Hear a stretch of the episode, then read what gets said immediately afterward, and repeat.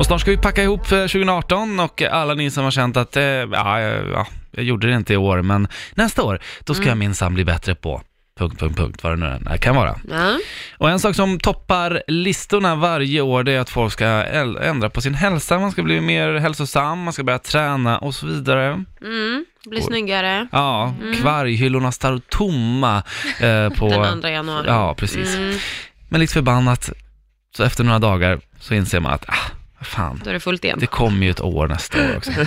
En som ska hjälpa oss och ge lite tips och råd på hur man kan eh, bli bättre på att hitta ett fokus eh, inom detta, det är Helene Ahlsson, PT och livsstilscoach. God morgon! God morgon. Morgon. För, är du en sån där som har varit vaken nu i två timmar, varit ute och, och promenerat eh, runt hela Stockholm? eller? Springt milen. Ja, på grund av er. Ja, exakt, glad. Ja, nej, bara en timme. Ja, okej. Du, eh, nyårslöfte, är det någonting som du själv sätter upp varje år? Eh, nej, det gör jag inte. Nej. Men däremot eh, sätta upp mål. Det, ja. Mm. Hur, hur Så tror det är du, lite skillnad. va, va, hur, hur ska man alltså, om man har haft varje år nu då, så att man ska ändra sitt liv och gå ner i vikt och skaffa två pack som jag har funderat på att göra.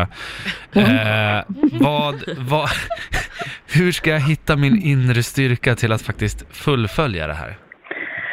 Eh, alltså jag tror ju så här att det finns lite två olika typer av människor. Och det finns dels de som sätter nyårslöften varje år. Och det är också de som startar upp varje ny måndag.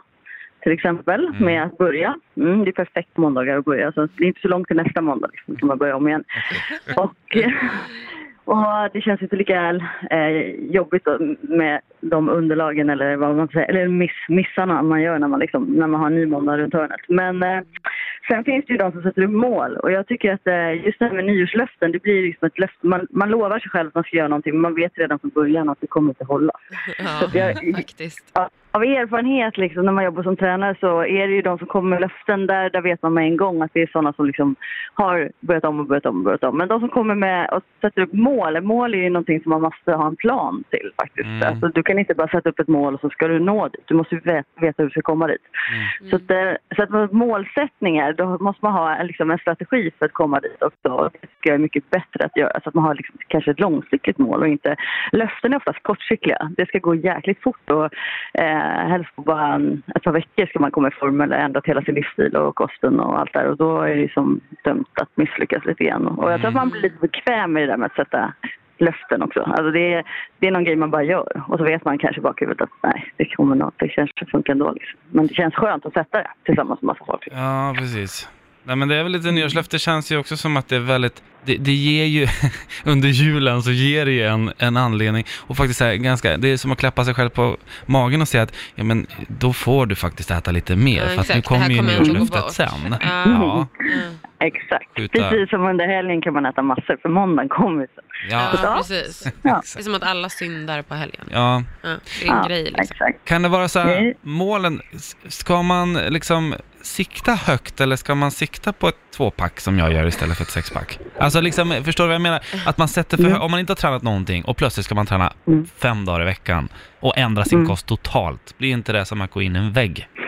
Jag tror inte ens man hinner börja innan man liksom har avslutat det där hela. För det känns ju som helt oövermäktigt. Och jag tror att man absolut ska sätta... Det, det, man kan sätta ett ganska högt mål. Man kan ju ha en illusion och en vision om vart man vill vara om kanske ett år eller i slutet av det här nya året. Men på vägen dit så bör man nog sätta upp delmål som är ganska lättuppnåeliga. Mm. Och sen också kanske gärna tillsammans med någon annan. Så att antingen om man har en tränare eller en kompis som man verkligen ger sig fan på att den här människan kommer ju rycka upp mig om inte jag själv liksom står där. Det tror jag hjälper jättemycket. Ja, man kan ju inte Så ha att, en slacker som man är kompanjon med liksom. Det Nej. går ju inte. Ingen pik. Det är dömt att misslyckas. Jag och Frida i ett vardag, vi skulle ju liksom, vi skulle ju skjuta på det här tills sista åren på jorden. Ja, Ja. vecka 51 Ja. där någonstans. Ja. Ja, men ni har ju Lisa där nu så då går det inte att men misslyckas. det Ja, är det. alltså hon är, ja, Jag känner att jag också bör Ettrig, passa alltså. på egentligen. Och liksom utnyttja den här lilla flickan. Det ska ni absolut göra. Ja. hon är riktigt bra Ja. Ja. på att ge en Mm. elaka Smiss. kommentar. Nej, säger hon inte. Mm. Nej, men man, får, man vill ju inte möta Lisa och känna att man inte har tagit med sig den här nyttiga matlådan.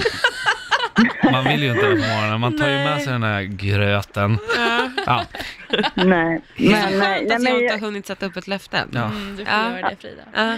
Jag tror att man ska börja liksom städa ur sitt liv lite successivt, Mm.